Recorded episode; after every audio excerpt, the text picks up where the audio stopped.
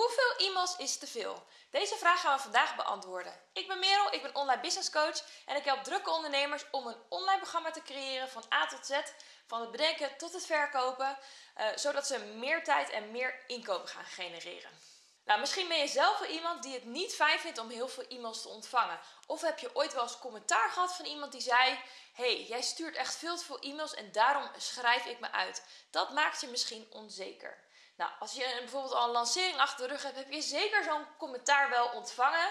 En dat kan je soms onzeker maken of je niet te veel of te weinig e-mails schrijft. Een e-maillijst opbouwen is nog steeds de meest lucratieve manier van jouw business bouwen. Tenzij je er niks mee doet of ze nooit mailt, dan heb je er niet zoveel aan. Dus een dode e-maillijst, dat zijn e-maillijsten die dus eigenlijk een soort een aantal maanden helemaal links laat liggen, heb je niks aan en kun je beter bijna helemaal opnieuw beginnen. De, de stelregel is eigenlijk dat je je e-maillijst minimaal één keer per week zou moeten mailen. Als je één keer in de week mailt, dan bouw je een consistente relatie op. Dus je bouwt een vertrouwensrelatie op.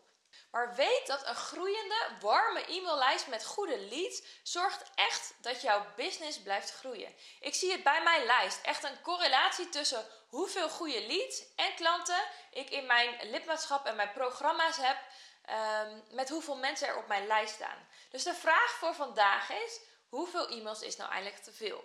Nou, als je met lanceringen werkt, heb je vaak een promotieperiode van twee weken waarin je iedere dag e-mails stuurt. Of zelfs op de laatste dag meerdere.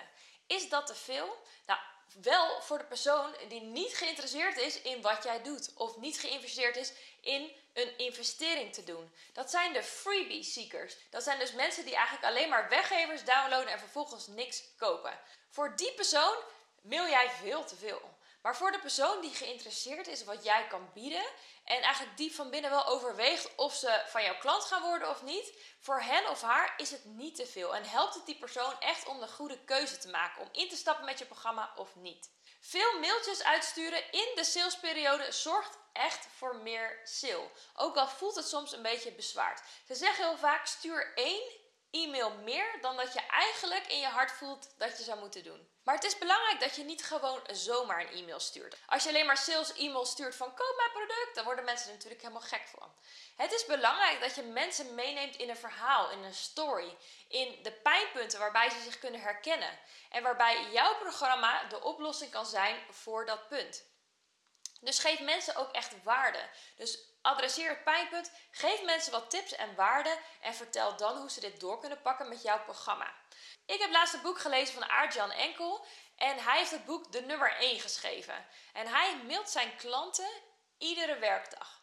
Maar op een manier dat mensen ook echt zijn mailtjes aan het afwachten zijn. Nou, ik heb ook zijn mails ontvangen en ze zijn echt heel erg leuk om te lezen. En in iedere e-mail doet hij een call to action. Hij claimt echt dat zijn sale met echt zeven keer is vergroot toen hij elke dag is gaan mailen. Nu is dat voor veel, heel veel mensen nog veel te veel. Maar het gaat erom, het is dus afhankelijk van het soort e-mail dat je stuurt of je echt veel e-mails kan sturen. En als je echt heel erg weinig mailt, krijg je daarentegen ook heel erg veel afmeldingen van je lijst. Omdat mensen zich gewoon niet meer herinneren wie jij bent. Het is een soort van stranger die ze echt ooit ontmoet hebben, maar omdat de indruk heel erg vluchtig was, kunnen ze een maand later niet meer herinneren wie die persoon was.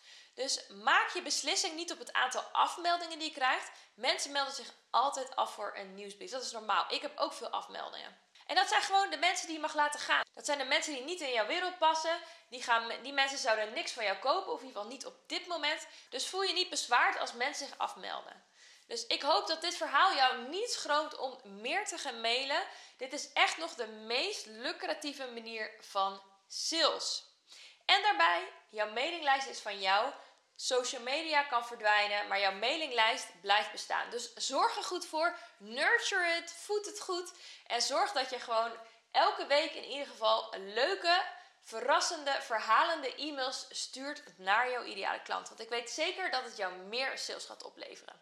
Nou, dat was het voor deze week. Volgende week ga ik het hebben over hoe je een goed contentplan voor je e-mails, maar misschien ook voor je socials kan gaan creëren. Tot volgende week. Doeg!